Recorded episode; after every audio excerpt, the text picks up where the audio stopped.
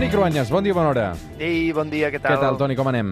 Bé, bé, bé, bé, bé. Més tranquil que tu, amunt sí, i avall. amunt i avall. Uh, el que passa és que, clar, no podem passar per alt. La notícia d'aquesta setmana també és aquesta visita express de l'emèrit. Uh, avui parlarem de reis i de reines, Toni. I tant. A veure, aquesta mena de retorn de, de Joan Carles em sembla una història tan increïble políticament com també, t'ho confesso, molt fascinant des del punt de vista antropològic. Fascinant, eh, per tu? Sí, home, eh, és que parlem d'aquesta fugida o d'exili, però en realitat és un teatre per generar simpaties a l'opinió pública espanyola perquè li perdoni els milions d'euros robats a l'erari públic. És, és un escàndol enorme i ho estem vivint com una gracieta, no? com, com un caprici del rei. Escoltem, mira, és que escolta com ho justificava la ministra portaveu del govern espanyol aquesta setmana.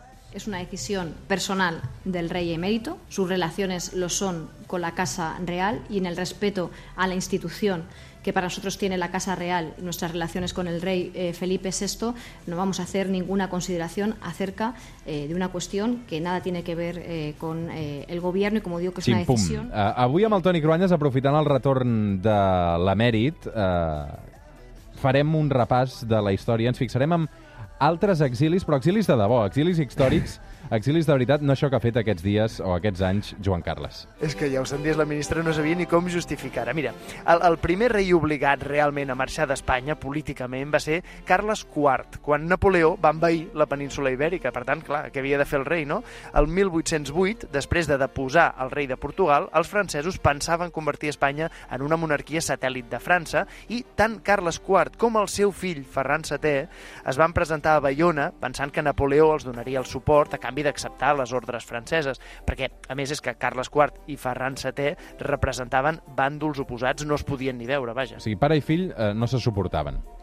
Sí, però Napoleó va obligar-los a tots dos a abdicar i va imposar el seu propi germà, Josep, com a rei. Josep Napoleó, José I d'Espanya, més conegut despectivament com Pepe Botella, mm. perquè els madrilenys li van atribuir fama de borratxo. I quan es va acabar la guerra del francès, i després que caigués Napoleó, Toni, qui va tornar al tron d'Espanya va ser Ferran VII. Els espanyols mai van estar d'acord amb la invasió francesa i sospiraven pel retorn del rei Borbó. A Ferran VII se'l coneix amb el sobrenom de El Deseado i efectivament va tornar del seu exili de Valensai el 1814, però Ferran VII no va permetre el retorn dels seus pares, Carles IV i Maria Lluïsa de Parma, que es van mantenir a l'exili, en el seu cas a Itàlia. I, de fet, no van passar gaires anys més fins al següent exili d'un rei espanyol, Toni. Va ser la filla de Ferran VII, la reina Isabel II. Contra ella es va alçar la revolució anomenada Gloriosa, ara ja estem a l'any 1868. Isabel II va haver d'abandonar Espanya. Cal dir que en tots aquests moviments del segle XIX la monarquia exercia un poder polític molt directe. En el cas d'Isabel II donava suport sense reserves al partit moderat i això va fer que els progressistes no tinguessin més remei que forçar un cop d'estat, el que se'n deia un pronunciamiento en aquella època. La mala fama d'Isabel II va fer que tant la població com les elites de Madrid es posessin en contra dels Borbons. No és que fossin antimonàrquics, sinó que eren antiborbons. I el que van fer va ser anar a buscar un rei, en aquest cas, a Itàlia.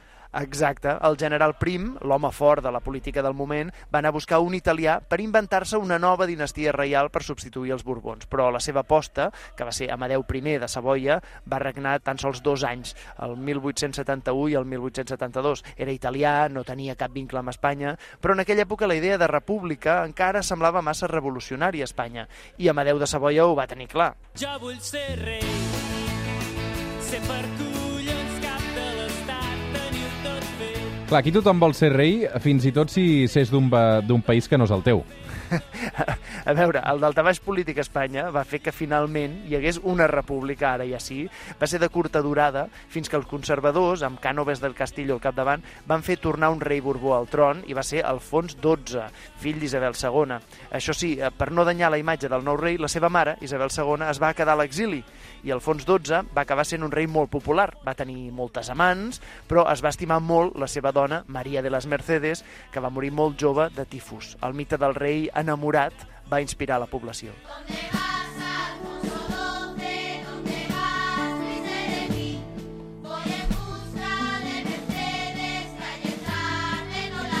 Aquesta és una història trista, Toni. Sí, a veure, per la popularitat dels reis de vegades les històries tristes funcionen. Alfons XII també, a més, va morir relativament jove i això ja ens porta fins al seu fill, Alfons XIII. Aquest rei no va entendre mai quina era la seva funció constitucional i va posar i treure presidents del govern segons les seves pròpies idees. D'això és del que se'n va dir borbonejar, o sigui, fer política per sobre de les teves atribucions constitucionals. O sigui, això de borbonejar ve d'Alfons XIII, ja, eh? Sí, fins i tot Alfons XIII va permetre que governés el dictador Primo de Rivera, mantenint-se ell com a rei. Les classes populars i una part de les elites no ho van acceptar i tot plegat va propiciar que quan els partits d'esquerres van guanyar a les principals ciutats a les eleccions municipals del 1931, Alfons XIII es va veure obligat a marxar.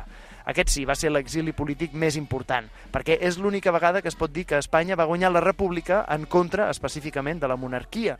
I en aquell exili d'Alfons XIII va ser on va créixer el seu fill Joan i el seu net Joan Carles, l'actual emèrit. Clar, per això es parla dels dos exilis de Joan Carles de Borbó, el que va viure de nen i aquest exili estrany ara a Abu Dhabi aquests últims temps. Qui de moment sí que continua l'exili i si queda és Baltònic. Aquesta és la cançó que li va valdre la denúncia d'injúries a la corona. No serà extraditat a Espanya, però eh, no pot tra trepitjar territori espanyol.